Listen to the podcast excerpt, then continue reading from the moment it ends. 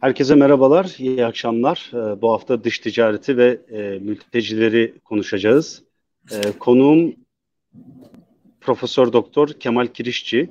E, Kemal Hoca uzun yıllar Boğaziçi Üniversitesi'nde öğretim görevlisi olarak e, çalıştı. Şimdi ise Brookings Enstitüsü'nde e, Non-Resident Senior Fellow olarak e, çalışıyor. Sağ olsun bizi kırmadı ve bu akşamki söyleşimize teşrif etti. Şimdiden teşekkür ediyorum. Hocam hoş geldiniz. Sağ olun, hoş bulduk. Nasılsınız hocam? E işte. Dünya ve Amerika çalkantı içerisinde. E, biz de onun yanında e, normal hayatımızı idame ettirmeye çalışıyoruz. Bugün çok önemli büyük bir protesto yürüyüşü var Washington DC'de. Ama bu güzel vesile oldu uzak durmaya bu yürüyüşten. Bakalım akşam haberlerden e, göreceğiz nelerin olduğunu. Evet hadi bakalım. Ee, şimdi geçtiğimiz hafta siz de takip etmişsinizdir hocam. Ee, Başak evet. Yapçan ile e, mültecilerin genel durumu, Türkiye'deki e, koşulları üzerine bir söyleşi e, yapmıştık. E, bu akşam ise mülteci e, meselesinin daha küresel boyutuna e, bakacağız. Hı. Mültecilerin yanı sıra da dış ticareti de, e, trading state'i de e, sizinle konuşmak istiyorum. Ee, Geçen haftaki çok güzel bir e, evet. program oldu. E, hı, bu da hı. inşallah tamamlayıcı e, olur. İnşallah, inşallah hocam. E, bir de son olarak eğer vaktimiz e, kalırsa e, sizin genç akademisyenlere, genç araştırmalara, e, araştırmacılara önerilerinizi de almak isterim. Tamam inşallah. Herkes fişek gibi. Benim önerilerin ne kadar faydası olur emin değilim. Yani. Ama bir deneriz. Eyvallah. Hı hı. Hocam ilk olarak mültecilerle e, başlamak istiyorum ve Cenevre Sözleşmesi'nden ve küresel e, mülteci mutabakatından başlamak istiyorum. Şimdi 2005-2016'daki Avrupa'daki mülteci e, krizinin ardından Cenevre Sözleşmesi'nin arızalarının gün yüzüne çıktığına dair bir e, kanaat e, oluştu. E, bu bağlamda yeni bir e, hukuki, uluslararası hukuki bir metne ihtiyaç duyuldu ve e, bu ihtiyaca cevaben küresel mülteci mutabakatı e, yaklaşık 150 ülke e, tarafından e, evet. e, Birleşmiş Milletler Genel Kurulu'nda kabul edildi. E, benim sorum Cenevre Sözleşmesi ile küresel mülteci mutabakatı e, arasında ne gibi e, farklar var. Bir de bu mutabakatın kabul sürecini ve içeriğini bizlere anlatabilir misiniz? Hmm. Evet. Bu arıza arıza meselesi epeydir devam eden bir e, konuydu. Hı hı. Ben onu birazcık açmak istiyorum. Ama e, sen böyle arıza deyince birdenbire şu anda Amerika'da olan olaylar aklıma geldi. Çünkü George Floyd'un bilindiği şekilde e, ölümüne neden olan e, müdahalenin bir geçmişi var. Ve e, Amerika'da e, bu konuda ırkçılık konusunda, polis şiddeti konusunda, e, yapısal ırkçılık denen e, sıkıntılar uzun zamandır gündemdeydi, konuşuluyordu hı hı, ve bir hı. patlama oldu.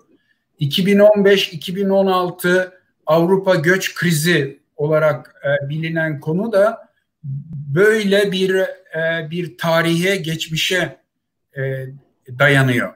Yani hı hı. E, Cenevre Sözleşmesi'nden mültecilerin korunması ve de e, büyük sayıda mültecilerin bulunduğu ülkelerle mültecilerin korunması ve bakınmasının e, bakılmasının e, yük paylaşımı sıkıntıydı.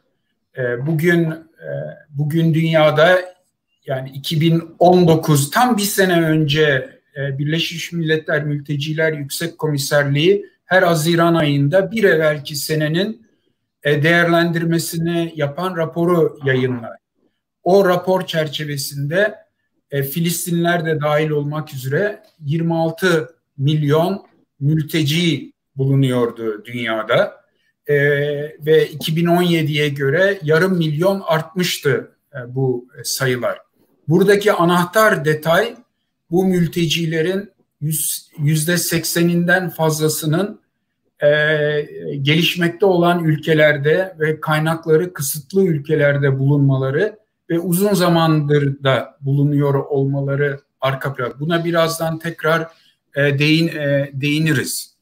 E, fakat Cenevre Sözleşmesi İkinci Dünya Savaşı sonrasında e, Amerika Birleşik Devletleri'nin liderliğinde kurulmaya başlayan düzen ve kurumlar çerçevesinde oluşmuş bir e, anlaşma. Temmuz 1951 senesinde. Bu anlaşmanın e, amacı e, hemen Dünya Savaşı sonrasında kabul edilen e, insan hakları beyannamesinde e, kişilerin sığınma talebinde bulunma hakkını hayata geçirmeye yönelik bir anlaşma ve aynı zamanda da İkinci Dünya Savaşı'ndan dolayı Avrupa'da birikmiş olan büyük sayılarda mülteci, mültecilik sorununa bir çözüm getirmek üzere e, varılmış bir anlaşma.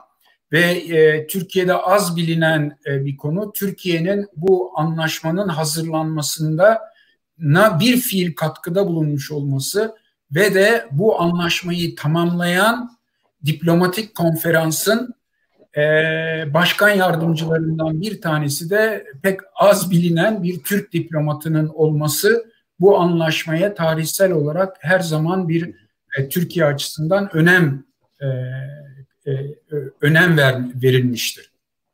Bu anlaşmanın e, bir iki ana hattından e, bahsetmek istiyorum. Birisi tabii ki geçen hafta da konuştuğunuz gibi mültecinin, mülteciliğin, mültecinin tanımını yapıyor. Ama bununla beraber mültecilere verilecek olan hakların ve de devletlerin mülteciler nezdindeki de yükümlülüklerini tanımlıyor. Bu yükümlülüklerin arasında en önemlisi 33. maddedir, klasiktir. Mülteci başvurusunda bulunan kişilerin geriye gönderilmemesi yükümlülüğü. Bu o kadar önemli bir yükümlülüktür ki bu anlaşmayı imzalamamış olan ülkeleri de bağlayan ve hukukta jus cogens e, denen e, bir e, yükümlülük. E, bunun ötesinde de e, anlaşma mültecilik sorununa e, devamlı bir çözüm bulmaya yönelik önerilerde bulunur. Bunlar üç tanedir. Durable solutions İngilizce ya da e, anlaşmanın tabir, e, tabiriyle. Bunların arasında en çok tercih edilen, şimdi mutabakata bağlayacağım için altını çizmek istiyorum. Tabii. E, birincisi tabii ki mültecilerin zaman içerisinde kendi ülkelerine gönüllü olarak dönebilmeleri. E, ikincisi ise e, üçüncü ülkelere yerleştirilmeleri, resettlement. Bu da işte e, yükü, yükü taşıma e, taşımaya katkı bulunma prensibi içerisinde anlaşmaya e, sokulmuş bir e, madde. Üçüncü çözüm yolu da bulundukları ülkeye entegre olmaları. E, mesela bugün Washington DC'de e, e, ben zaman zaman e, soğuk savaş sırasında mesela e, Macaristan'dan 56 kriziyle, 68 e, Çekoslovakya kriziyle, işte Sovyetlerden kaçmış e, insanların e, ikinci nesilleriyle karşılaşabiliyorum. Aynı şekilde de Türkiye'de mesela çok az bilinir araya şunu sıkıştırıvereyim.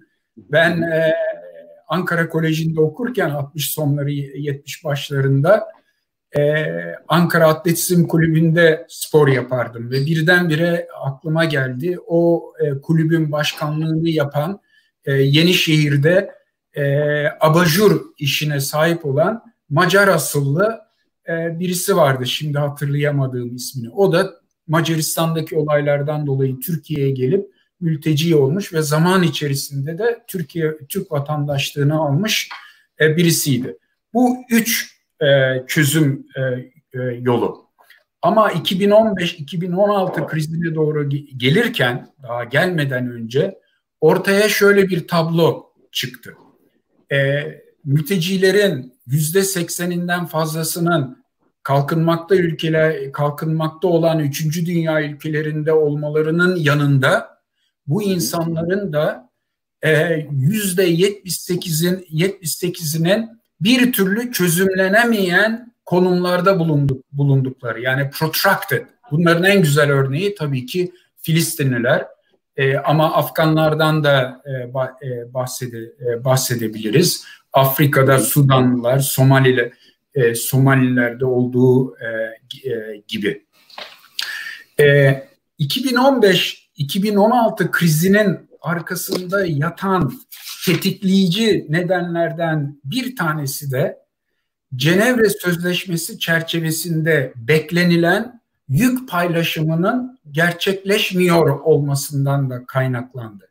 Yani 2011'den itibaren e, Suriye'deki gelişmelerden dolayı komşu ülkelere büyük sayılarda mültecilerin ulaşması neticesinde Birleşmiş Milletler her sene bu e, insanlara destek verebilmek ve bulundukları ülkelere el verebilmek için programlar ve de bütçeler geliştirildi. Ama bu bütçelerin en büyük sorunu bütçenin gerektirdiği mali kaynaklara Birleşmiş Milletler'in ulaşamaması. Yani uluslararası camianın el verememesi. Ve de bu kriz patlamazdan az önce Dünya Gıda Programı, World Food Program, özellikle Lübnan'da e, mültecilere verdiği gıda yardımını azaltmak durumunda kaldı. Tabii başka nedenler de var ama bu nedenin bu hareketi yani göç hareketini büyük bir kısmı Türkiye üzerinden oldu. Bir kısmı Türkiye'den de e, ol, e, oldu. Tetikleyen faktörlerden bir tanesi e, idi. E, 2015'i yaşadık. Detaylarına girmemize gerek yok. E, geçen haftaki programda da Başak Hoca biraz detayları sizlerle pay, paylaştı. 2016'ya doğru gelindiğinde artık uluslararası camia bu konuda bir şeylerin yapılması e, iradesini oluşturmuştu. Ve Eylül 2016 senesinde New York'ta Birleşmiş Milletler Şemsiyesi altında büyük bir göçmenler ve mülteciler zirvesi yapılmasına e, karar verildi. E, araya göçmenlerin de girmesinin nedeni mülteci sorunuyla göçmen sorununu her zaman ayrıştırmak kolay olmuyor. O yıllara geri dönersek yani bundan aşağı yukarı 10 sene 8-10 e, sene kadar öncesine döne, e, dönersek e, matematiğim karıştı biraz orada ama şeyi hatırlayacaksınız Akdeniz üzerinden e, Avrupa Birliği'ne geçmeye çalışan aralarında mülteci konumunda olabileceklerle kaçak göçmenler, düzensiz göçmenler de vardı. Aynı şekilde Orta Amerika'dan e, Amerika'ya yönelik de göç hareketleri e, vardı. Onun için ikisi birleştirildi. Hı hı. Biliyorum biraz sonra soracağın sorularda o konuya e, döneceğiz. Küreselleşmenin buna etkisi ne bakacağız ayrı olarak. Ama bu iki sorunsalın e, işleneceği bir zirve e, yapıldı. Ve bu zirvenin yapılmasına yapılma sürecine yani diplomatik sürecine yine aynı 1950-51'de Cenevre Sözleşmesi'nin e, hazırlanmasına önemli katkıda bulunmuş olan Türkiye bu sürece de bulunduğu konumdan dolayı e, katkıda bulun, e, bulundu. E, bulundu ve bu zirvede şöyle bir karar alındı. Hem göçmenler için hem de mülteciler için bir mutabakatın hazırlanması gündeme geldi. E, çeşitli toplantılar yapıldı. Yine bu toplantılarda Türkiye önde gelen bir rol oynadı. E, mutabakatın detaylarına bakarsak bazı e, maddeleri arkasında Türkiye'nin etkisi en azından ben baktığım zaman net bir şekilde e, görü, görülebiliniyor. Nedir bu mutabakatın e, özelliği? Bir defa en büyük özelliği Cenevre Sözleşmesi gibi e, hukuken bağlayıcı bir mutabakat değil. Her ne kadar Cenevre Sözleşmesi bağlayıcı olsa da yaptırım pek olmadığı için sözleşmenin de ihlal edildiği e, durumlar karşısında uluslararası camianın çoğu zaman fazla yapabileceği bir e, bir şey olmuyor ama yine de bir psikolojik, moral, siyasi baskı e, kaynağı da olabiliyor. Mutabakatın böyle bir bağlayıcılığı maalesef yok. Ama bir moral boy, e, boyutu e, var, siyasi boyutu var.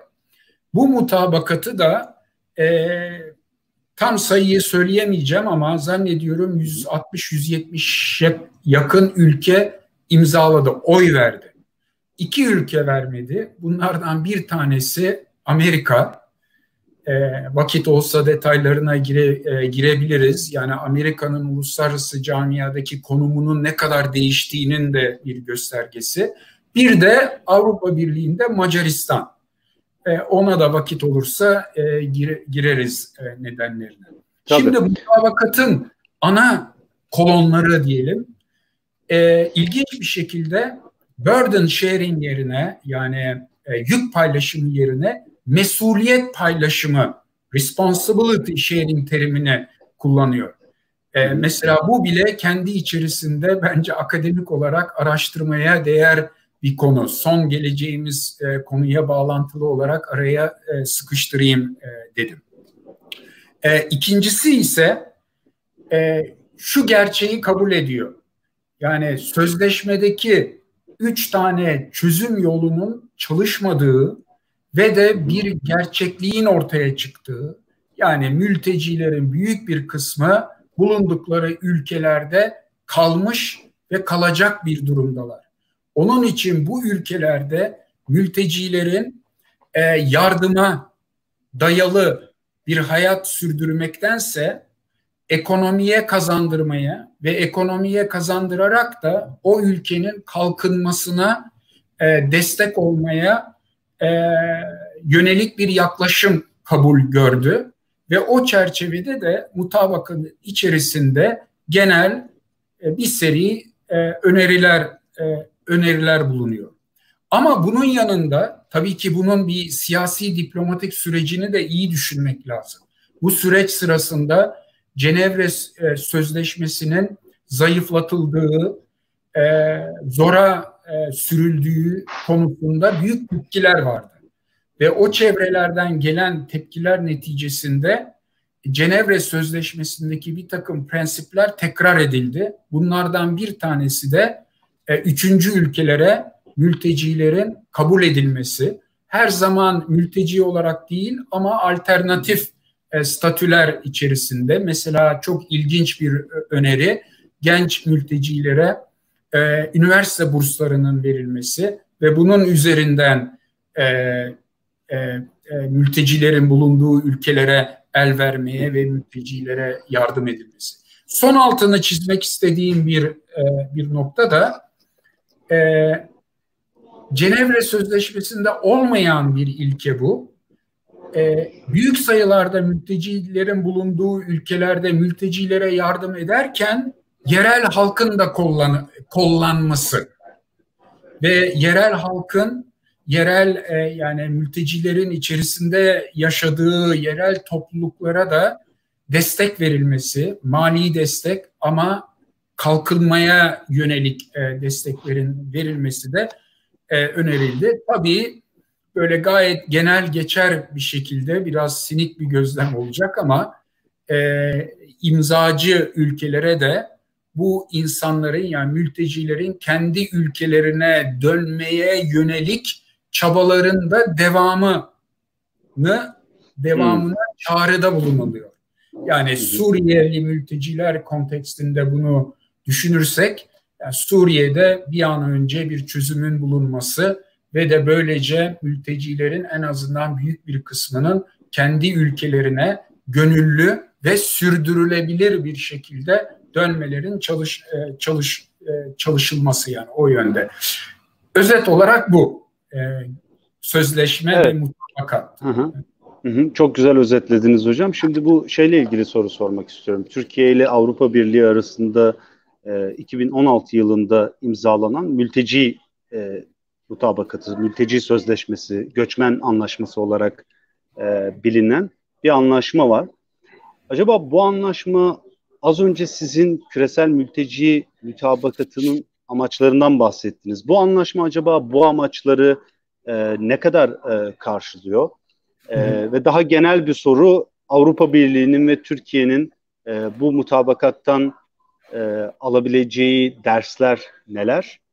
E, ve e, sizce yani Türkiye ile Avrupa Birliği arasında eğer yeni bir anlaşma e, olacaksa geçtiğimiz hafta Başak Hoca ile de konuşmuştuk. E, geçti, e, bir, bir, bir anlaşma olacaksa acaba bu mutabakat bu yeni olası anlaşmaya bir e, yol gösterici bir işlev e, edinir mi? Bu da merak ettiğim bir soru hocam. Çok e, çok güzel. E, kesinlikle bence bu mutabakat bir referans noktası. E, özellikle önemli bir referans noktası. Çünkü biraz evvel de söylediğim gibi Türkiye bunun oluşmasına katkıda bulundu. Aynı şekilde Avrupa Birliği de önemli bir rol e, rol oynadı. Belki Türkiye daha hani e, daha keskin taleplerde bulundu. O talepleri Avrupa Birliği yumuşatmaya çalıştığı bu dinamiki de görmek lazım e, diplomasi içerisinde. Zaten mutabakat yakınen okunduğunda orada seçilen terimlerden, kelimelerden e, bunu hissedebiliyoruz, e, an, e, anlayabiliyoruz. Geçen hafta Başak Hoca ile e, mutabakatı yani Mart 2016 mutabakatını detaylarını çok güzel değerlendirdiniz. Onun için ben e, o detaylara e, gir e, girmeyeceğim. Ama o detayların içerisinde e, yenilenmesi gündemde olan çünkü bizim medyadan okuduğumuz ve yetkililerin yaptığı açıklamalardan e, özellikle Şubat sonunda Yunanistan sınırında yaşanan kriz sonrasında e, iki tarafın yani AB'nin ve de Türkiye'nin bir e, diplomatik sürecin içerisine girdikleri ve bu sürecin e, amacının da e, e, mutabakatın yenilenmesi, güçlendirilme e, güçlendirilmesi. E, bizim tesadüfen Başak Hoca ile beraber inşallah gelecek hafta başında bu konuya yönelik bir kısa bir makalemiz e, çıkacak. O makalede biz özellikle e, özellikle yani elle tutulur iki tane öneride e, bulun, e, bulunduk. E, şimdi e, mutabakatın mutabakatın e, mutabakattan memnun olmayan hem Avrupa Birliği tarafında hem de Türkiye tarafında çevreler var ve sayıları da çok ve bu çevrelerin sesini biz gür ve güçlü bir şekilde duyuyoruz. Bunun detaylarına girmeyeceğim. Yine geçen hafta birazcık e, gündeme geldi bunlar. Ama Başak Hoca ile beraber ve buna e, bürokrasi içerisinde bu mutabakat çerçevesinde oluşmuş olan programlarda çalışan e, e, yetkililer yani bakanlıklarda e, Ankara'da aynı şekilde Brüksel'de de bu mutabakat çerçevesinde e, çalışan yetkililerden benim edindiğim gözlem ve intiba çok önemli bir işbirliğinin de yürümekte olduğu olumlu bir işbirliği. Yani şu manada hem mültecilerin hayatını bir nebze iyileştiren e, olumlu adımlar hem de Türkiye'nin üzerindeki büyük yükün bir kısmını e, alan, bir kısmını yumuşatan çalışmalar devam ediyor ve bu çalışmaların yelpazesi de çok geniş. Biz Başak Hoca ile beraber bu yelpaze içerisinde e, özellikle Kızılay Kart diye bilinen aşağı yukarı bir buçuk milyon Suriyeliye cüzi, mütevazi günlük yaşamlarına destek olacak e, imkanların e, sağlanmasının devamı ve bunun e, Covid-19 pandemisinin yaratmış olduğu ortamda devamının çok önemli olduğunun e, altını çiziyoruz.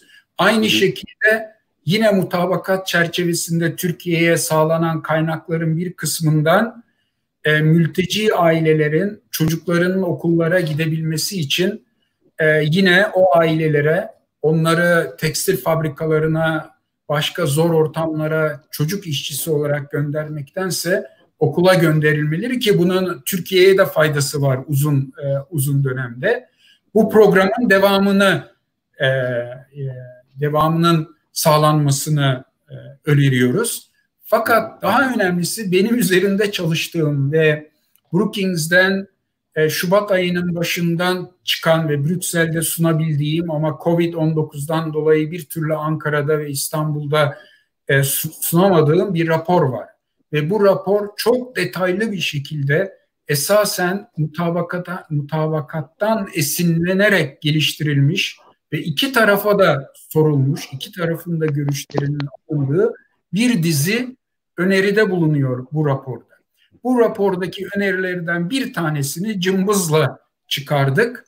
E, bu e, öneri de mutabakatın e, e, mutabakatın paragraf sayısını da söyleyebilirim. 71. paragrafta mutabakat diyor ki uluslararası camia yani e, imza atan ülkeler büyük sayılarda mültecileri barındıran ülkelere ticari dış ticaret kolaylıklarını göstermeyi değerlendirmesi lazım. Çok enteresan. Explore kelimesi kullanıyor. Bu da neye işaret ediyor? Bayağı bir tansiyonun olduğu ama önemli olan o sözün mutabakata girmiş olması ve buraya girmesinin önemli bir nedeni de e, biz mutabakatın imzalandığı tarihlerde Avrupa Birliği Ürdün ile bir mutabakat yaptı evet. ve Ürdün'e prensip olarak bir takım dış ticaret kolaylıkları sağladı. Ürdün'ün e, mültecileri resmi bir şekilde, formel bir şekilde kendi ekonomisinde istihdam etmesi şartıyla.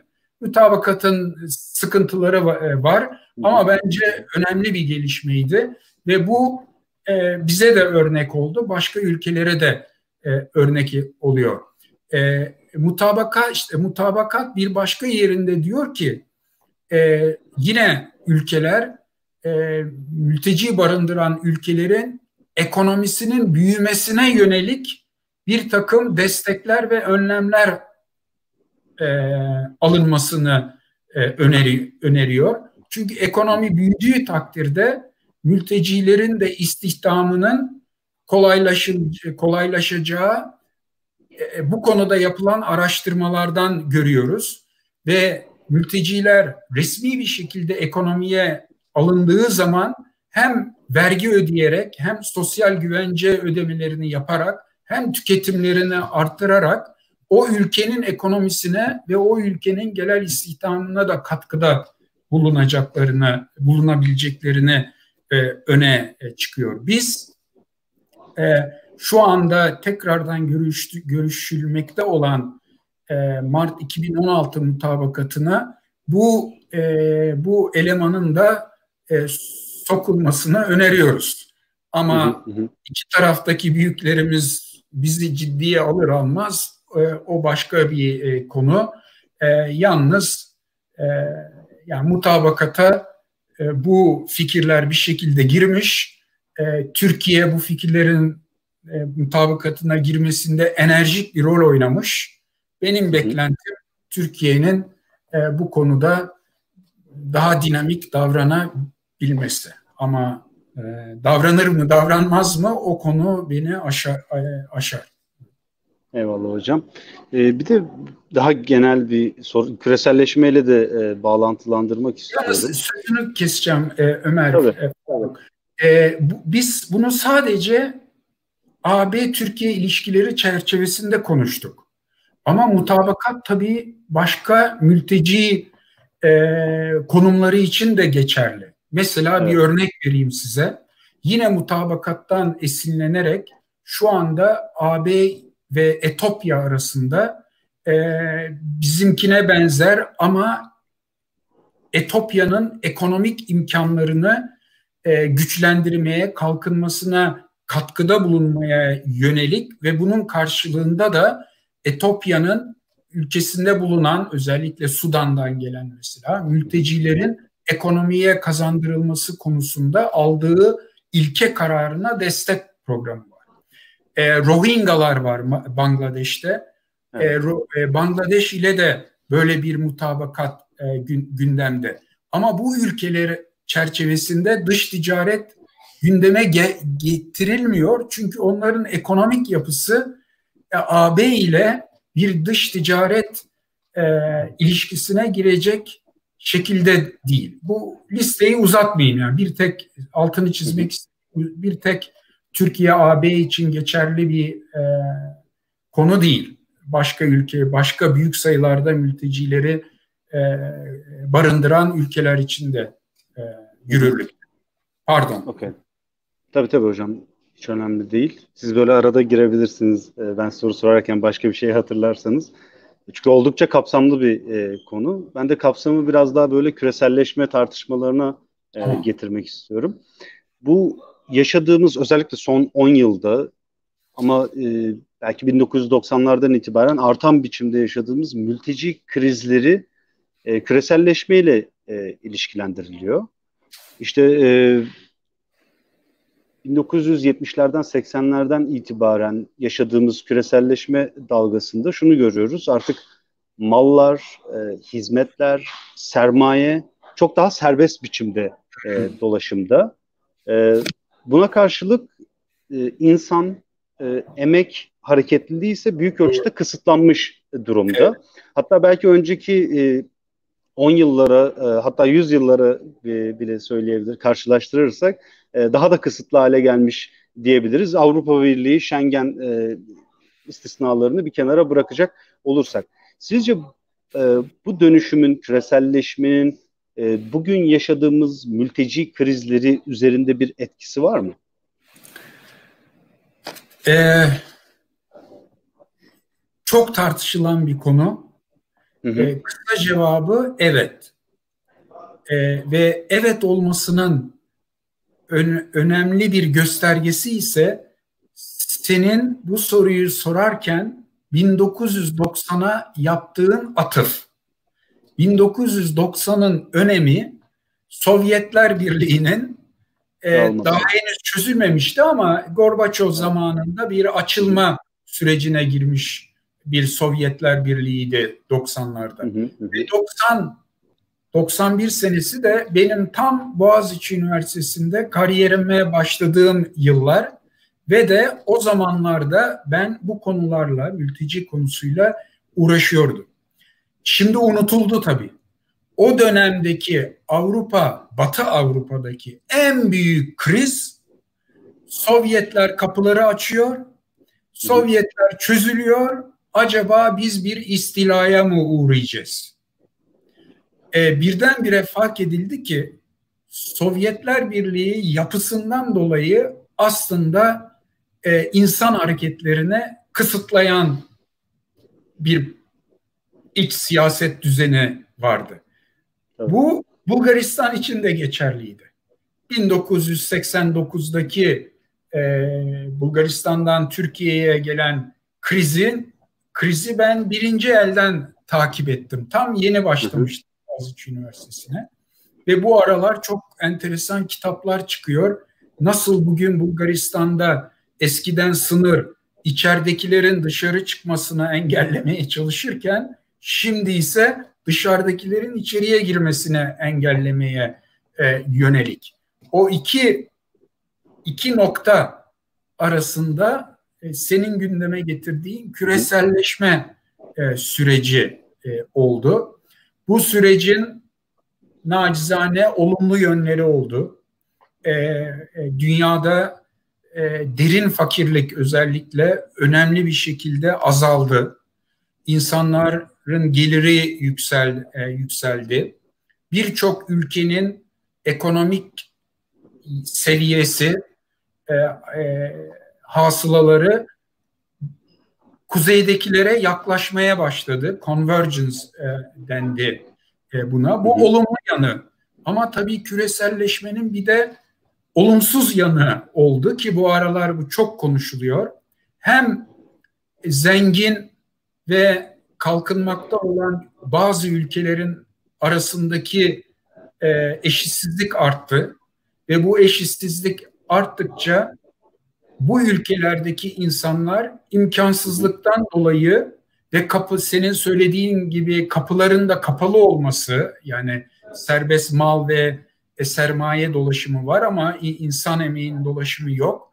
E, e, düzensiz göçe yönlendiler. Bazıları da haklı haksız şekilde mülteci yolunu e, seçti. Biraz evvel bahsettiğimiz o Akdeniz'de yaşanan işte Amerikan-Meksika sınırında yaşanan olayların e, gelişmesine neden oldu. Ama ikinci bir eşitsizlik var. O eşitsizlik de küreselleşmeden en çok faydalanan ülkeler, yani Amerika Birleşik Devletleri, AB e, ülkelerinin içinde de eşitsizlikler oluştu. Bu, bu eşitsizliklerin neticesinde de e, işte popülizm denen e, sağcı, yabancılara karşı olan, e, mültecilere karşı olan, göçmenlere karşı olan e, siyasiler, siyasi aktörler e, öne çıktı. Bunun da en belirgin olduğu ülkelerden bir tanesi Amerika, diğeri de Macaristan. Ve de bu iki ülkenin mutabakata imza atmaması e, kendi içerisinde e, durumu gayet güzel e, açık e, açık açıklıyor. Yani özet olarak küreselleşmenin hem olumlu yanları oldu hem de olumsuz yan, e, yanları ve olumsuz yanları bir yanda insanları hareketlendir, hareketlendirdi zor durumda olanları. Öbür yanda da o harekete karşı e, ülkelerin içerisinde yöneldikleri ülkelerin içerisinde siyaset sağa doğru e, kay, e, kaydı. Hı hı hı. Ve Türkiye özeline bakarsak ya, o konulara girmedik. Yani Türkiye e, Türkiye her ne kadar Cenevre Sözleşmesi'ni hazırlayan ve ilk imza, imzalayan ülkelerden olmasına rağmen Türkiye e, kendi iç mevzuatını son 10-15 senede geliştirdi ve iç mevzuatının meyvesi 2013 senesindeki yabancılar ve uluslararası koruma kanunuydu. Ve bu, bu kanun uluslararası çerçevede, e, çevrelerde, e, insan hakları örgütleri çevrelerinde, bu konuyla ilgilenen sivil toplum çevrelerinde son derece olumlu karşılandı. Evet eksik tarafları var, detaylarına gire, gire, girebiliriz. E, bunun böyle olmasının en önemli nedenlerinden bir tanesi Türkiye'nin de küreselleşmeden faydalanması ve e, ona geleceğiz. Türk ekonomisinin büyümesi, Türkiye'nin model olarak sunulması ve 80'leri 80'lerden itibaren Türkiye'ye gelen mülteci ve göç profilinin de değişmeye başlamasına bir cevaben oluşmuş bir e, kanun o, bir süreç. Ama aynı zamanda da Avrupa Birliği'nin e, Türkiye'nin üyelik süreci içerisinde Türkiye'den talep ettiği bir takım reformların da etkisi oldu. Ama bugün geldiğimiz noktada noktada Avrupa Birliği Türkiye'den bir zamanlar talep ettiği reformlar, ilkeler konusunda da maalesef geriye e, geriye e, kayıyor. Yani hı hı. lafı uzattım ama küreselleşmenin böyle karma karışık e, artılarıyla eksileriyle e, den oluşan bir fotoğrafı var bu konuda. Şimdi hocam e, bu küreselleşmenin lokomotifi olan Batı ile ilgili e, konuştuk. E, bir de şeyle ilgili e, yükselen güçlerle ilgili bir e, soru sormak istiyorum. Şimdi bir yandan baktığımızda işte liberal demokratik e, devletler ve kurumlar mülteci akımları e, karşısında işte az önce e, çokça bahsettiniz adeta alarma geçmiş durumda. Bir yandan e, iç siyasetlerinde e, sağ popülist e, e, siyasi partilerin e, ve akımların yükselişi söz konusu. E, bir yandan da bu mülteci sorunlarına dair iyi kötü e, politikalar geliştirmeye çalışıyorlar. Şimdi öte yandan da uluslararası sistemde yükselen e, yükselen güçler var, rising powers e, denilen güçler, ülkeler e, söz konusu. E, bu ülkeler birçok alanda Amerikan hegemonyasına ve e, e, liberal uluslararası düzenin kurumlarına meydan okuyorlar. E, bir alternatif e, önerileri var. E, benim merak ettiğim şey bu yükselen güçler mülteci sorununa pratik olarak nasıl e, karşılık veriyorlar ve kendilerini nasıl e, konumlandırıyorlar? Örneğin mesela diğer gelişmekte olan ülkelere maddi yardımları, işte politika hmm. önerileri vesaire söz konusu mu? Hmm. Ee, evet, bence önemli bir soru. Yine araştırılması gereken bir soru. Benim gözlemim şöyle. Ee, bu yükselen ülkeler arasında mesela Brezilya, mesela Şili, hı hı. E, çok daha az olarak Güney Kore, e, üçüncü ülkelere yerleştirme programları geliştirdiler son 10 sene içerisinde. Ama tabii bu hiçbir zaman geleneksel olarak, geleneksel diyorum çünkü e, çok değişti son birkaç senede. Amerika'nın e, takip ettiği politika kadar güçlü ol, e, olmadı. Ama o yönde e, hareket ettiler. Ve unutmayalım ki bu ülkeler aslında değerler açısından batıya yakın olan ülkeler. Yani kişi haklarına e, bizim anladığımız manada hukuk devletine saygı gösteren e, ülkeler. Tamam oralarda katılım var, özellikle Brezilya'da e, bu, e, bugün.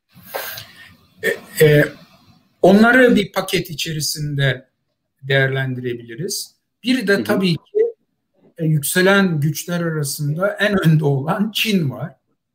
E, Rus Rusya, Rusya. E, Çin'in siyasi sistemi zaten bu bu bu bu tipten değerlere, bu tipten ilkelere önem vermeyen bir, e, bir sistem. E, onun için yani kesin konuşamam ama bildiğim kadarıyla Çin'e ne sığınma müracaatında bulunan, başvurusunda bulunan ülkeler var. Ne de Çin başka ülkelere gidip de ya siz çok güç durumdasınız, e, ben sizden biraz yük paylaşmak için e, mülteci e, alayım, kabul edeyim dediğini zannetmiyorum. Tam tersine işte e, e, Doğu Türkistan'da, Xinjiang'daki durumdan dolayı e, yurt dışına kaçmak durumunda kalan, zulüm gören insanları geriye talep edebiliyor. E, aynı şekilde e, sistemden rahatsız olan e, daha diyelim Çinli vatandaşları geri istiyor. Hong Kong'daki gelişmeleri de biliyoruz. E, bu var. Evet. Rusya'nın durumu biraz farklı. Ee, Rusya pek bilinmez, konuşulmaz ama önemli sayıda mülteci ve göçmen alan bir ülke.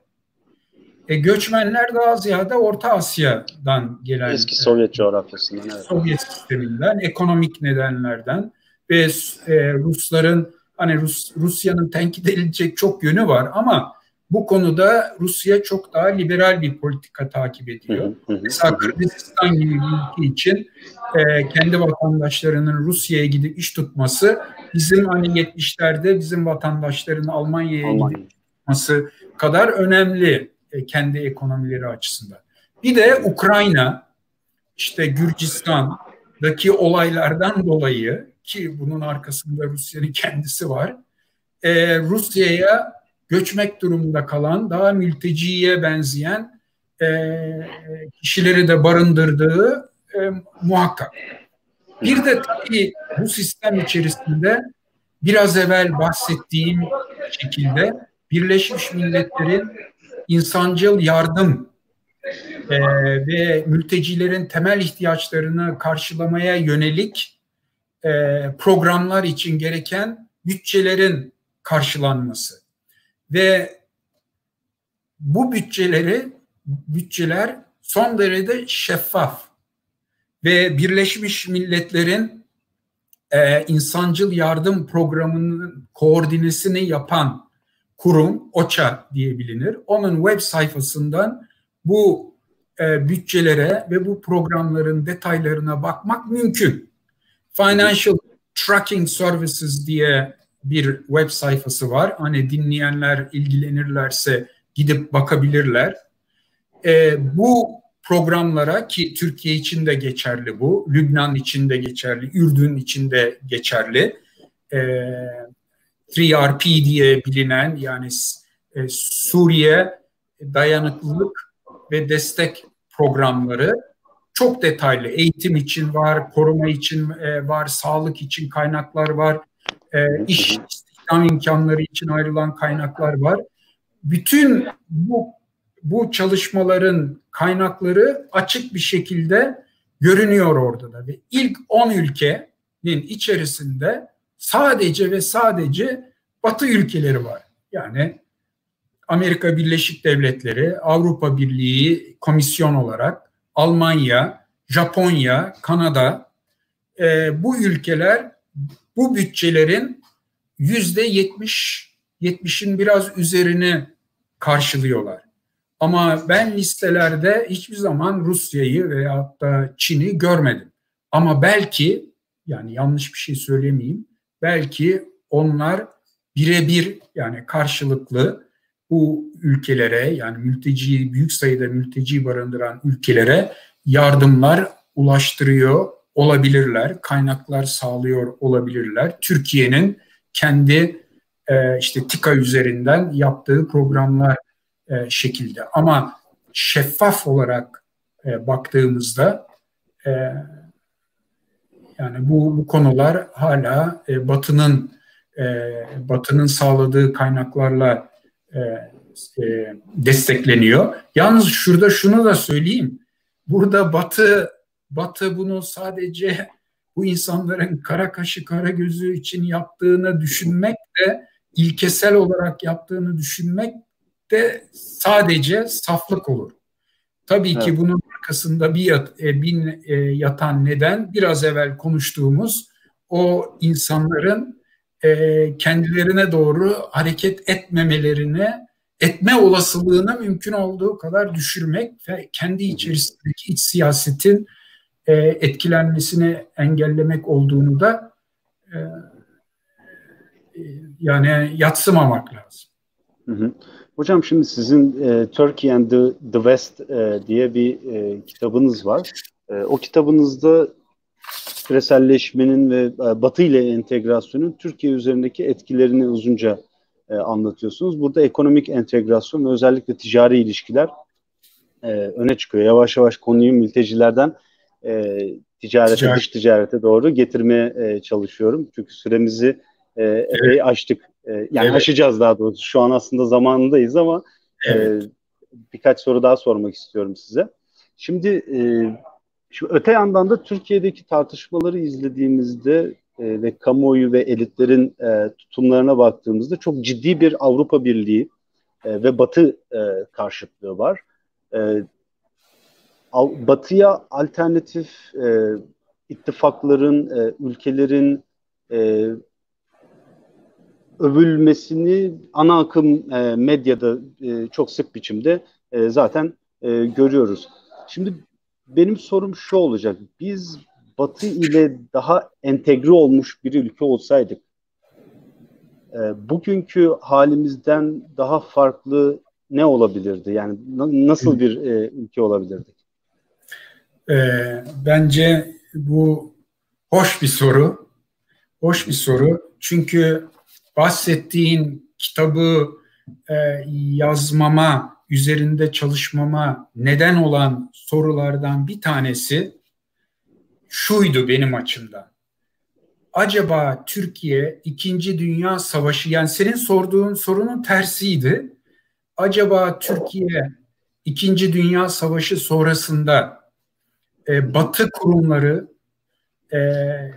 e, parçası olmasaydı yani işte e, IMF'de, Dünya Bankası'ydı, OECD'di, NATO'ydu, e, sonra evet. sonuna doğru Avrupa o zamanki e, e, Avrupa Ekonomik Topluluğu'na yönelmeseydi hem ekonomik olarak hem siyasi olarak acaba biz nerede olurduk sorusunu gündeme getirdik. Çünkü ben bahsettiğin Batı e, Batı karşıtlığı ve Batı şüpheciliğin ile doğdum, e, büyüdüm, bütün bir e, kariyerimi yaşadım ve şimdi işte emekliliğe doğru e, gidiyorum. Tabii ister istemez bu soruya bir yanıt arama ihtiyacı e, hissettim. E, ve bu yanıtı aramak adına da e, e, 1960'tan 2015-16'ya kadardı zannederim. E, e, kişi başına düşen gelirleri, Türkiye'nin gelirinin hareketini zaman içerisinde hareketini Türkiye'ye 3 aşağı 5 yukarı benzeyen e, 4-5 ülkeyle karşılaştırdık.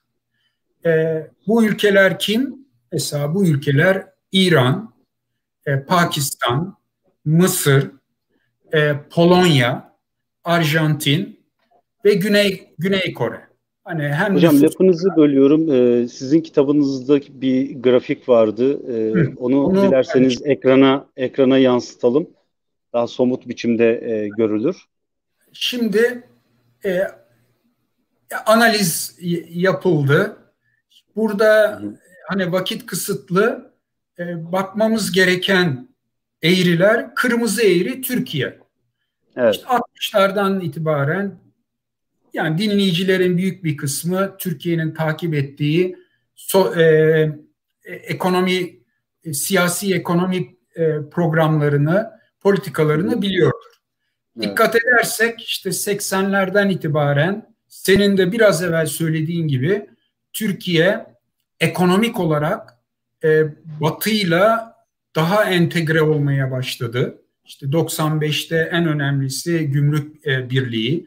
Onun önce, evet. öncesinde ikameci ekonomi gelişme program, e, politikasından daha ihracata yönelik e, tamam tenkit edebiliriz ben de ederim neoliberal politikalara ve daha önemlisi ise 90'ların sonundan itibaren Türkiye'nin bir Avrupa'ya katılım sürecine girmesi ve o süreç ile beraber e, ekonomisinin 2004 senesiydi zannedersem Avrupa Komisyonu'nun hazırladığı ilerleme raporlarında da kanıtlandığı şekilde bir e, e, pazar ekonomisi şeklini aldı. Yani onunla bağlantılı ilkeleri ve kurumları kurumları e, e yerine oturttu. O e, yani 10-15 senedir gelen bir süreçti.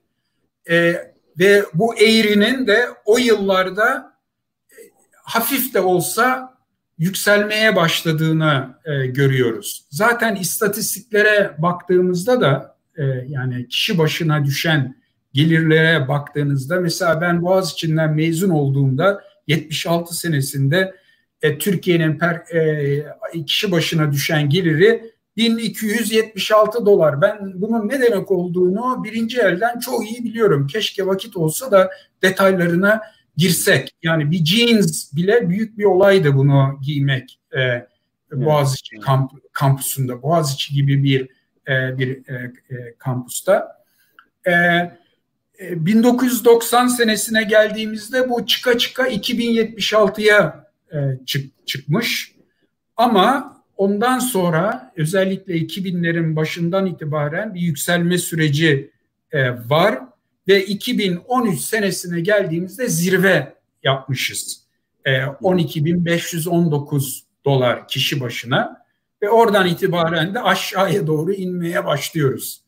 Yani bu bunun detaylarına girmeme herhalde gerek e, yok. 2018'den itibaren iç siyasette ve ekonomide nasıl bir siyaset takip ettiğimizi herhalde e, insanlar genel olaraktan biliyorlar. Şimdi nerede olabilirdik sorusu. Nerede olabilirdik sorusu e, e, grafiğe baktığımız zaman böyle birdenbire yukarıya fırlayan bir, bir eğri var. Bu eğri evet. Güney Kore'nin eğrisi. Ve program için istatistiklere baktım. 1960'larda hatta size söyleyeyim 1976 ee, senesinde biraz evvel bahsettim. Güney Kore'nin kişi başına düşen geliri 831 dolar. Yani Türkiye'nin ikisi anca, e, ancak. Evet, evet. E, iki, 2001 senesine gelindiğinde e, 11 bin dolara gelmiş. E, 2018 senesinde ise Yani bizim inmeye başladığımız e, senede ise 31 bin dolar. Bugün Güney Kore Avrupa Birliği'nin üyesi değil. Ama evet. şu pandemikle mücadele çerçevesinde her gün e, bu işi başarıyla yöneten evet. ülke olarak gördük. E, konuşuldu, tartışıldı. Hı hı. Ve genelde de e, konuşulan Güney Kore'nin işte bu batı sistemi içerisine en sıkı entegre olmuş ülkelerden birisi. Ve de unutmayalım ki bölünük bir ülke. Böyle evet. bir güvenlik tehdidi altında olan da e, bir e, bir ülke. Hocam e, yine bu konuyla devamı Hı-hı. Türkiye orada olabilirdi. Orada evet, olabilirdi. Evet. Ama en azından hemen onun altındaki yani Türkiye'nin üstündeki eğri ise o çok Polonya enteresan hocam. Polonya. Polonya var orada. Polonya'da, çok enteresan yani. Evet. evet, Polonya'da daha mütevazi ama Avrupa Birliği üyeliğiyle e, 2017 e, 2018 tarihiyle yani bizim 9370'e düştüğümüz tarihte onlar 15421'e varmışlar ve bunun bir tek açıklaması var nacizane nacizane belki çok e, kolay oluyor böyle söylemek e, Polonya'nın Avrupa Birliği'nin içerisinde bir ülke olması ve de nasıl bir ülke bu Sovyet sistemi içerisinden çıkmış bir ülke ama sebat etmişler e, Avrupa Birliği'ne üye olmak için gerekli reformları e, yapmışlar ve bu noktaya gelmişler. Evet Avrupa Birliği zor bir dönemden geçiyor ama Türkiye'de çok insanın söylediği ve hatta maalesef e, kalbinden arzu ettiği şekilde bence Avrupa Birliği dağılmayacak. E, yani seke seke sıkıntılarla ilerlemeye devam edecek. E, bakın komisyonun son aldığı kararda Türkiye'nin ekonomisinin büyüklüğünde bir paketi e, üye ülkeler arasında paylaştıracaklar pandeminin getirdiği zararları aşabilmek için. Ve böyle bir e, birliğin parçası olan Polonya bence çok enteresan yerlere e, varacak. Belki Güney Kore'nin olduğu yerlere değil.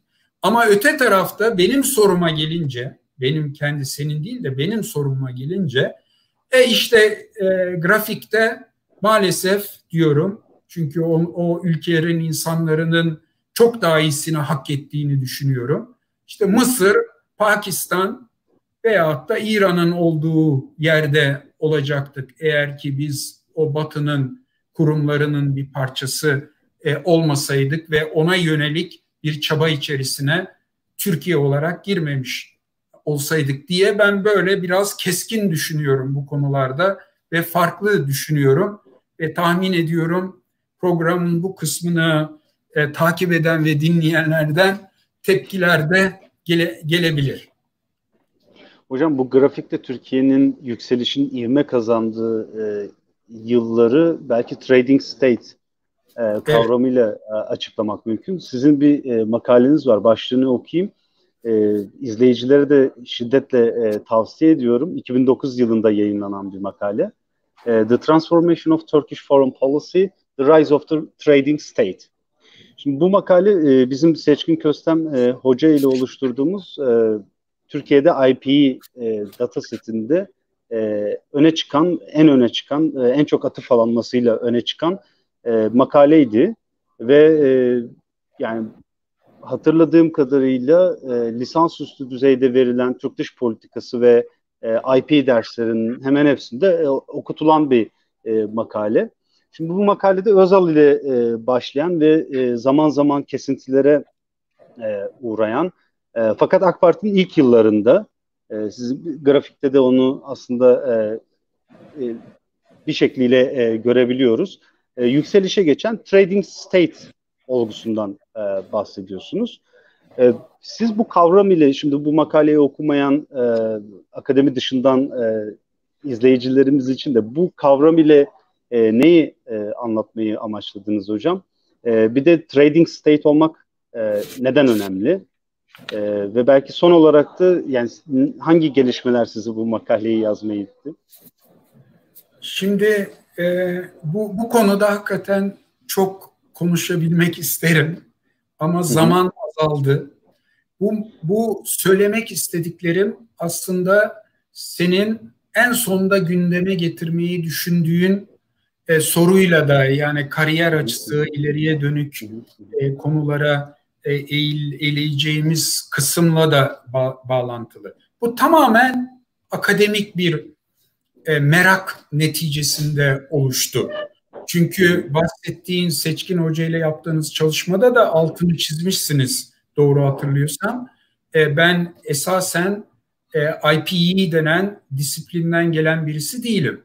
E, e, evet. Uluslararası ilişkilerden e, gelen bir, e, birisiyim. Ama şöyle diyeyim, uluslararası ilişkilerden gelen birisi olarak ben şöyle bir tabloyla karşılaştım ve o tabloyu açıklayamadım. 1990'ların ortasında ve sonlarına e, e, sonlarına doğru ki o çerçevede 95'te e, Mart ayında e, bizim çok önemli bir askeri müdahalemiz oldu Kuzey Irak. Ben o zamanlar o konuları yakın takip ediyordum. O çevrelerle de biraz ilişkilerim vardı. Detaylarını biliyordum. Kurtuluş Savaşı'ndan daha çok kaynakların ve sayıda askerlerin e, müdahil olduğu bir operasyondu. Ve bu operasyon tamamen askeri camianın aldığı kararla, tek kararla yapılmış bir operasyondu ve uluslararası camiayı bırakın içeriği çok huzursuz etmiş bir e, operasyondu. Onun arkasından Kardak krizi geldi ve neredeyse Türkiye ile Yunanistan savaşa gireceklerdi yani detaylılara girmeyelim şimdi vakit e, yok. Hemen ertesi sene 97'de meşhur S-300 krizi yaşandı e, Güney e, e, Kıbrıs'la. Hemen onun ardından e, neredeyse Suriye'ye e, askeri bir operasyon yapılmak e, üzereydi. Ve o dönemin uluslararası ilişkiler literatürü e, Türkiye'den Türkiye'den zor şiddet yani coercive power olarak bahsediyordu. E, veyahut da post Cold War warrior yani savaş soğuk savaş sonrası e, savaşçı aktör olarak bahsediyordu uluslararası e, il, e, ilişkilerde. Bundan 4-5 sene sonra Türkiye'den tamamen tersi yönde bahsedilmeye başlandı. Mesela e, yakın arkadaşımız, meslektaşımız e, Ziya Öniş'in bir terimi vardı. Bu farklı Türk dış politikasını tanımlamak için e, benign power yani iyi huylu e, ak, aktör. O zaman hemen onun sonrasında çok popüler oldu. Türkiye yumuşak güç e, olarak konu. Yani detaylarına girmeyeyim ama o dönemde bir evvelki dönemle ters düşen politikalar e, oldu. Mesela 2003 2003'teki Amerikan Irak müdahalesine katılmadı ve bunun evet. muazzam bölgede olumlu bir e, etkisi e, oldu.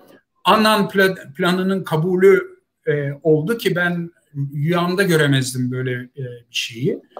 E, bunun gibi bir takım e, pozitif gelişmeler oldu. Yani diplomatik manada bu. Onun öncesi de var tabii. İsmail Rahmet, İsmail Cem ve George Papandreou'nun depremler sonrasında başlattıkları bir diplomatik e, ve barış süreci vardı.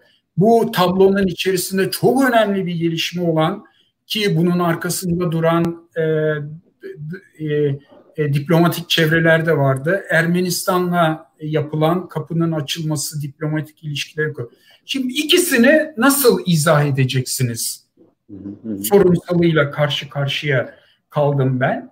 Ve literatürde yani Türk dış politikasına bakan literatürde değişik kavramsal çerçevelerden buna yanıt arayanlar vardı. Yani e, kimisi konstruktivizm üzerinden bakmaya çalışıyor. Türkiye'nin kimliğinin değişmekte olduğunu ve bundan dolayı böyle olduğunu söyleyenler e, e, e, vardı.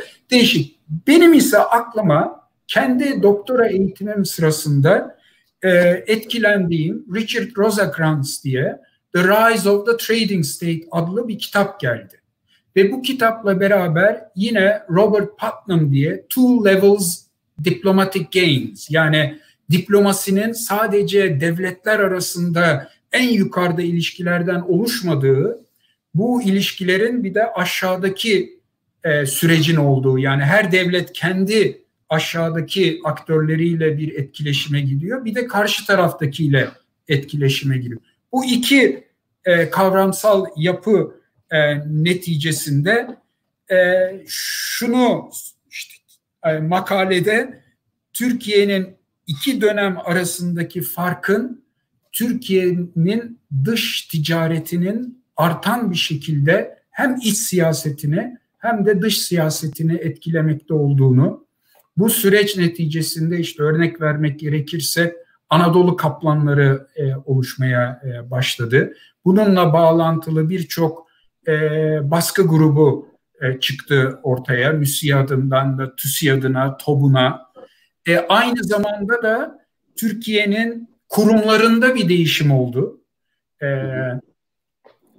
Dışişleri Bakanlığı eskiden daha askeri, daha geostratejik, geopolitik, siyasi e, ve de toprak bağlantılı konulara yo- yoğunlaşırken bu ekonomiye önem vermeye başladılar. Bunun en güzel e, örneği e, kendisi din, dinliyorsa bir büyüğümüz, son derece saygı duyduğumuz Özlem Sandberg e, müsteşarken e, 90'ların başı 80'lerin sonunda Özal Özal'ın döneminde bana nasıl Sovyetlere vizenin kaldırılması konusunda mücadele verildiği sırf Sovyetlerden Türkiye'ye turizm e, gelsin e, diye ve bunun getireceği açılımın önemi. Tabii o zamanlar Özlem Sandberg kendi kurumu içerisinde e, ileride giden birisi ve onunla hem fikir olmayan bir kurumdu. Ama bu kurum zamanında zaman içerisinde değişti.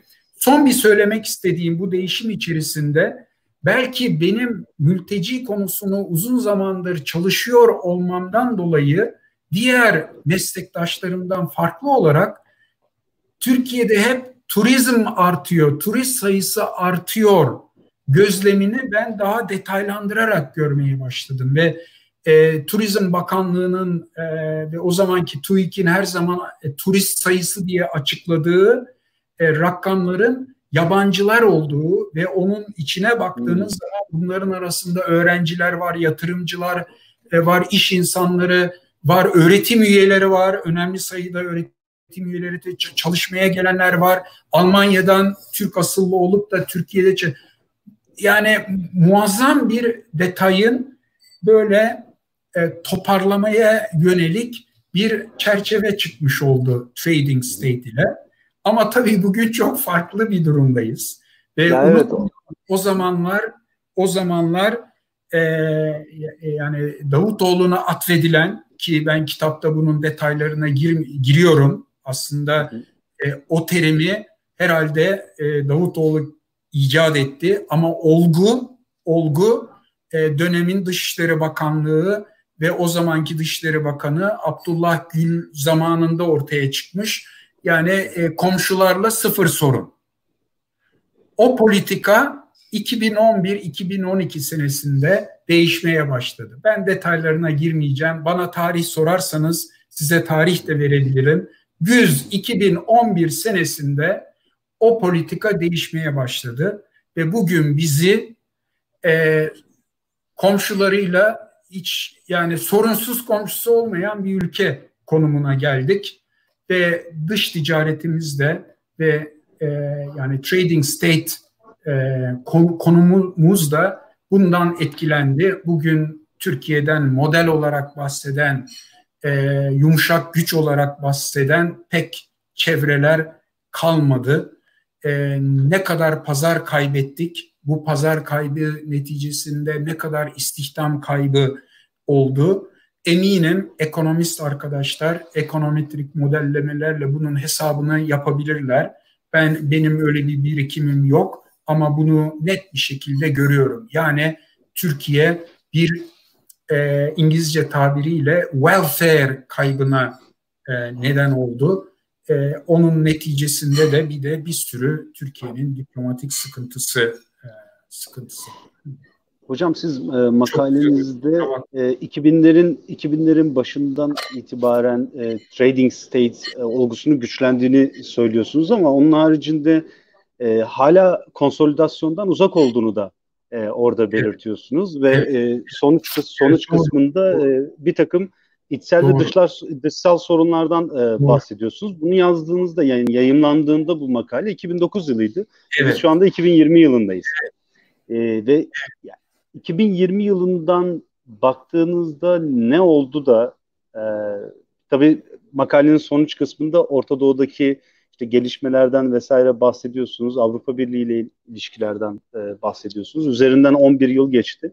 E, bu evet. süreçte neler oldu da çok kısa biçimde e, evet. e, neler oldu da Türkiye yani, e, trading state e, olmaktan çok e, bu arada trading state'i de e, Türkçe belki tüccar devlet olarak e, çevirebiliriz. Evet. Yani ben e, kaynaklardan gördüğüm e, şekilde evet. bilmiyorum. Hani, bu şekilde kullanılıyor.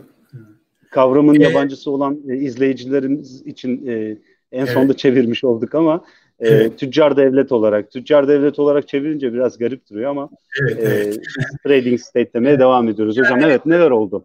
Dış ticaretin e, dış ticaretin bir ülkenin dış politikasının şekillenmesinde önemli rol oynayan ül, ül, ülke.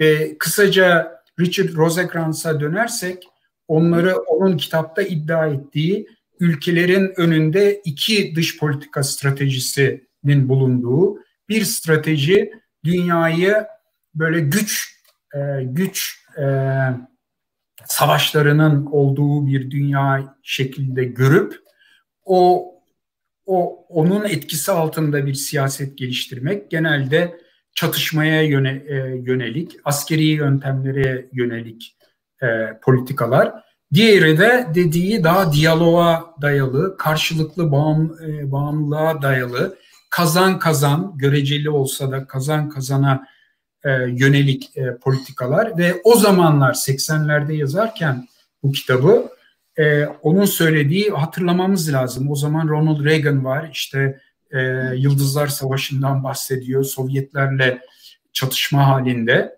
O, o var aklında. Bir de Japonya var mesela. Daha ekonomi, daha diyaloğa dayalı.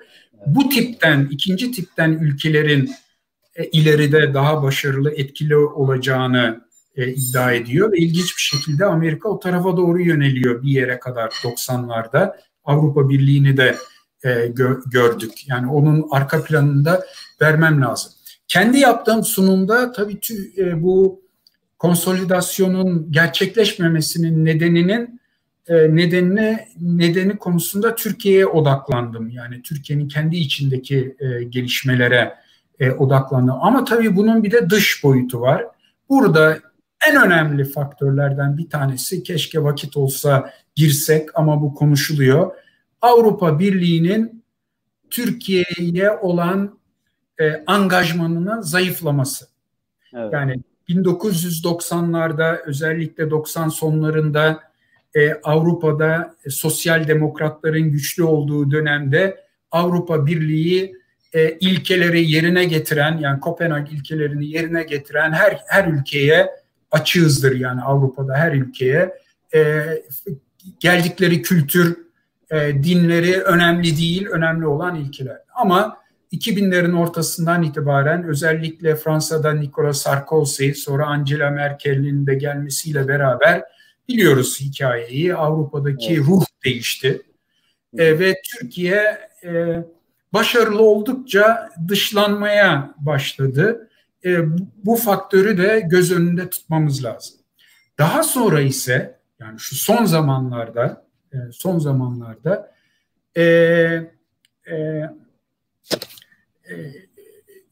Dünya Ticaret Örgütü'nün altında yatan ruhu ve ilkeleri Dünya Ticaret Örgütü'nün kurulmasında ve o zamanki düzenin kurulmasında önemli rol oynamış olan Amerika Birleşik Devletleri e, zayıflatmaya başladı. Ve serbest ticarete karşı bir tutum e, aldı. Ve Amerika Birleşik Devletleri yani Rosekrans ne düşünüyordur bilmiyorum şu noktada ama e, bugün e, bugün e, Çin'le ticaret savaşları içerisinde e, yani daha güç politikalarına yönelmiş durumda ve o sistemi zayıflatıyor. Şimdi bir de Covid-19'un getirdiği bir dünya dünya var. Herkesin içine kapanmaya başladığı ve korumacı politikaların öne çıkmaya başladı ki Türkiye'de bu tipten politikalara yönelmeye başladı. bunun benim şahsi e, sübjektif kanaatim e, Türkiye'ye pek faydalı olmayacağı ve Türkiye'nin e, refahını e, zayıflatacak gelişmeler olduğunu düşünüyorum. Çünkü Türkiye hiçbir zaman petrolü olan bir ülke olmadı, e, gazı olan bir ülke olmadı. E, sadece alın teriyle yarattığı e, mal ve hizmetleri e, çevresiyle ve kendisiyle paylaşarak büyüyen bir ekonomi. Eğer dünyanın gittiği yön bu tipten e, bu tip e, bu tipten gelişmeleri kısıtlayan bir dünya olursa e, Türkiye için zor olacak. E, e, peki son kısmına gelirsek sorunun e, Rusya gibi, Çin gibi o tipten ekonomileri tercih eden ülkelerin Türkiye'ye getirecekleri nedir? Vallahi onun şöyle bir cevabı var. Yani ampirik bir cevabı var. Hemen onu da paylaşıp susacağım. Bugün gidin TÜİK'te Türkiye'nin dış ticaretine bakın. Ee, bugün Türkiye'nin Rusya ve Çin'le muazzam bir dış ticaret açığı var. Detaylarına girmeyeceğim. Türkiye'nin küçücük İsrail'e ihraç ettiği e, mallar ki bu malların büyük bir kısmı sanayi mal, e, e, malları yani insanların emeği üzerinden ortaya çıkmış e, e, mallar. E, Türkiye'nin bu iki büyük ülkeye ihraç edebildiği malların değeri aşağı yukarı küçücük İsrail'e e, ihraç ettiği e, değerler kadar. Belki de bu neden... İki hafta önce hocam Seçkin Hoca ile bir e, söyleşi yapmıştık. Orada kendisi e, evet. detaylı biçimde bahsetmişti aradaki asimetrik e, ilişkiyi. Evet ve o istatistiklere baktım ben. Bakın Türkiye'nin Türkiye'nin Avrupa Birliği'ne ihraç ettiği ihracatının yüzde yetmiş ikisi yanılmıyorsam ama yüzde yetmişin üstünde sanayi mamulleri. Türkiye'nin AB'den e, ithal ettiği ürünlerin yüzde 68'i sanayi mamulleri. Yani bu ne demek? Bir bir şey var, birbirine entegre olmuşlar. Çin'e Rusya'ya baktığımızda evet. Evet. bir de bir de şey var hocam az önce Avrupa Birliği Birliği'ndeki değişimden e, bahsettiniz Türkiye'ye karşı tutumunda onun haricinde tabii Türkiye'de yaşanan e, bir değişim de var. E, Ziya Ünüş e, Hoca ile Mustafa Kutlay Hoca'nın e, yazdığı bir makale vardı. Avrupa Birliği'nin dönüştürücülük, e, evet. dönüştürücü gücünün Avrupa Birliği'nin iç ve dış periferisinde azaldığına dair evet. aslında hem pull faktörler var hem de yani hem çekici hem de itici faktörler evet. orada söz konusu. Türkiye'de de tabii geçtiğimiz 10 yılda bir sürü sorun yaşadık. Siyasal sorunlar belki bunların e, başında geliyor. Süremizi açtık hocam son evet. olarak.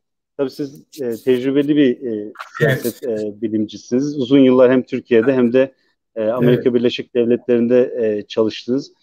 E, siz tecrübelerinizden e, faydalanmak isteyen genç akademisyenlere, e, araştırmacılara neler önerirsiniz hocam? Yani bu çalışma e, alanları olabilir, e, yurt evet. dışında e, eğitime karşı Türkiye'de eğitim olabilir. E, size bırakıyorum onu. Evet. E, ya bu bu konuda uzun uzun konuşabilmeyi arzu e, ederdim. Belki bununla ee, ilgili başka bir program da yapabiliriz hocam daha sonra. Olabilir ama birkaç e, noktayı e, not not ettim. Onları hızlıca paylaşmak istiyorum. Benim kariyerim ilk defa ben ders vermeyi 1983 senesinde başladım ve kariyerimin başlangıcını orada orada oraya oradan gör, görüyorum. Oradan buralara geldik. Ben kendimi çok şanslı birisi addediyorum. Keşke vak, vaktimiz olsa da detaylarına e, gir, girsek. Ama bu süzgeçten geçirerek şöyle e, bir beş gözlemim var. E, hı hı. Faydalı olacaksa. Birincisi e, yani senin gibi doktora çalışmalarına başlamış olan ve ileriye doğru akademik bir kariyer geliştirmeyi planlayan, düşünenler için benim şöyle bir önerim var. Kesinlikle kavramsal teorik boyutu olması lazım ve de yapılan çalışmanın karşılaştırmalı boyutu olması lazım. Karşılaştırmalı boyut zaman içerisinde olabilir ama benim kariyerim sırasında gördüğüm e, Türk doktora öğrencilerinin büyük bir kısmı Türkiye bağlantılı çalışmalar yapıyorlar. Ve kariyerlerinde ki ben de yani son yıllarda o o noktaya düştüm. Kariyerlerinde Türkiye uzmanı olarak tanınıyorlar ve nokta. Bu çok kısıtlayıcı e, e, bir e, bir tanımlama. Yani dünya çok daha büyük ve kariyer açısından e, bundan faydalanmak lazım. Ben çok şanslıyım. E, çünkü benim doktoram Filistin mülteci sorunu ile ilgiliydi. Ve bu bana muazzam kapılar açtı. Mu muazzam kapılar e, açtı. İkinci gözlemim e, İngilizce şart. Ama öyle herhangi bir İngilizce değil. Yani ben bunun hala sıkıntısını e, yaşıyorum ve bir e, Brookings için bir şey yazdığımda ne yazarsam kıpkırmızı geriye geliyor, düzeltiliyor. Ama birkaç bir şey öğrendim. O da hep e, az ve öz yazmak. Yani dallanıp budaklanmamak ve bu bizim bizden gelen yani toplum olarak ve e, bizim eğitim, sosyalleşme biz çok dallanıyoruz, budaklanıyoruz. En azından bunu birazcık olsa öğrendim ve dallanıp budaklanınca karşı taraf vermeye çalıştığınız mesajı anlayamıyor, kavrayamıyor. Çünkü biz Türkler olarak yani biraz önce konuştuk ya Batı şüpheciliği, Batı karşı, karşılığı, karşıtlığı bu yazdıklarımızın içerisinde hep ortaya çıkıyor. Hep böyle bir cümlenin arasına bir tane sıkıştırmaya çalışıyoruz dokundurmak için. Ee, bunun çok örnekleri var ama e, buna dikkat etmek lazım. Ama İngilizcenin yanında farz ikinci bir lisan ki karşılaştırmalı çalışma için çok önemli. Bu İspanyolca olabilir, Arapça olabilir, Rusça olabilir. Şimdi tabii Çince çok e, önemli.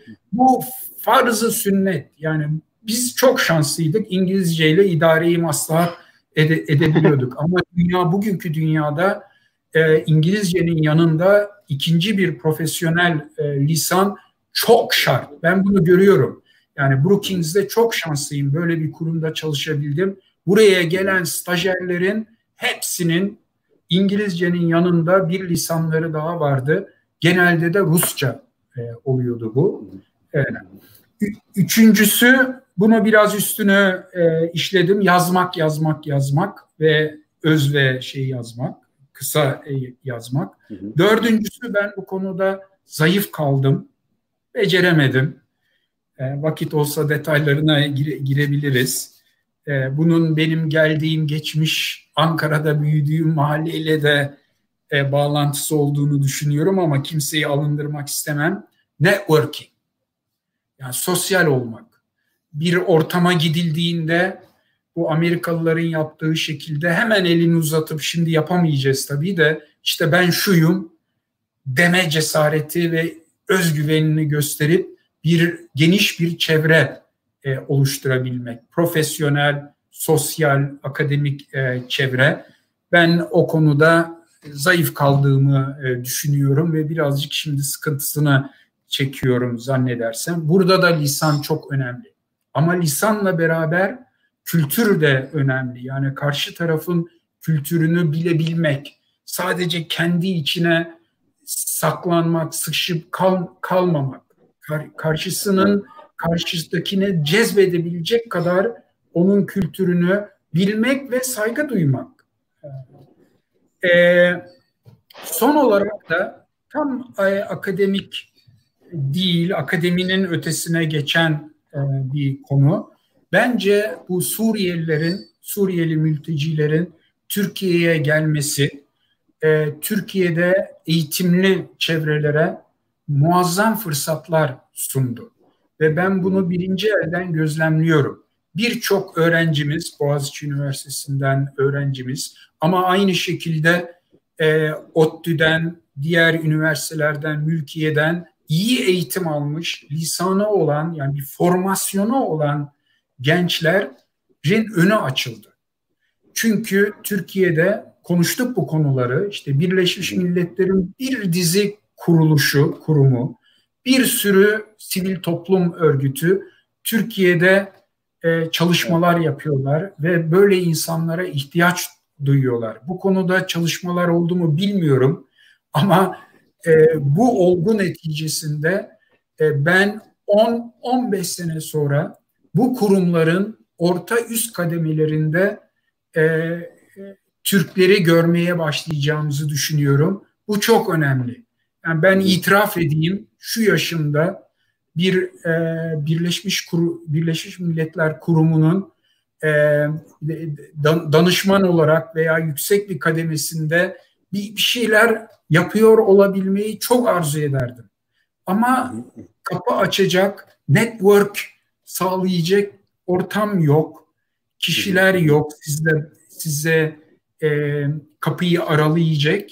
Ama 10-15 sene sonra bunlar olacak ve Türkiye ve Türk insanı o çevrelerde e, görünme hakkı olduğunu düşünüyorum. Kapasitesi olduğunu düşünüyorum. Ve bu bizi olursa bu e, olaylar bunlara Türkiye imkan da sağlarsa bu bizi 10 sene evvelki olduğumuz konuma e, getirebilecek. Yani etkimiz olacak e, uluslararası evet, evet. E, e, camiada. İşte bunun altını çizmek istiyorum. Umarım bir faydası oluyordur. Olur. Tabii tabii hocam çok çok güzel e, önerilerde e, bulundunuz. E, ben artık kapatalım diyorum. Yaklaşık evet. bir buçuk saat e, evet. oldu söyleşi ama ben izleyicilerin sıkıldığını düşünmüyorum. Çok çeşitli konular İnşallah. konuştuk ve e, etraflıca e, konuştuk. Evet. Etraflıca cevap verdiniz evet. birçok soruma. Ben çok teşekkür ediyorum hocam. Evet yayına katıldığınız için ve bizleri bilgilendirdiğiniz için. Kendi tavsiyemi beceremedim. Öz ve az konuşmak çok önemli etki açısından. Bu program biraz uzadı. Artık beni Olsun affedin. hocam. Bence bence ben, bence ziyan yok. Eminim izleyiciler ekolün, keyif almıştır. Eski ekolün alışkanlıklarını atmak zor oluyor. Estağfurullah hocam. Ee, Oldu, peki güzel. o zaman herkese herke, evet ben, güzel güzel bir programdı. Herkese iyi akşamlar diliyorum ben de. İyi akşamlar hepinize. İyi akşamlar sağ olun.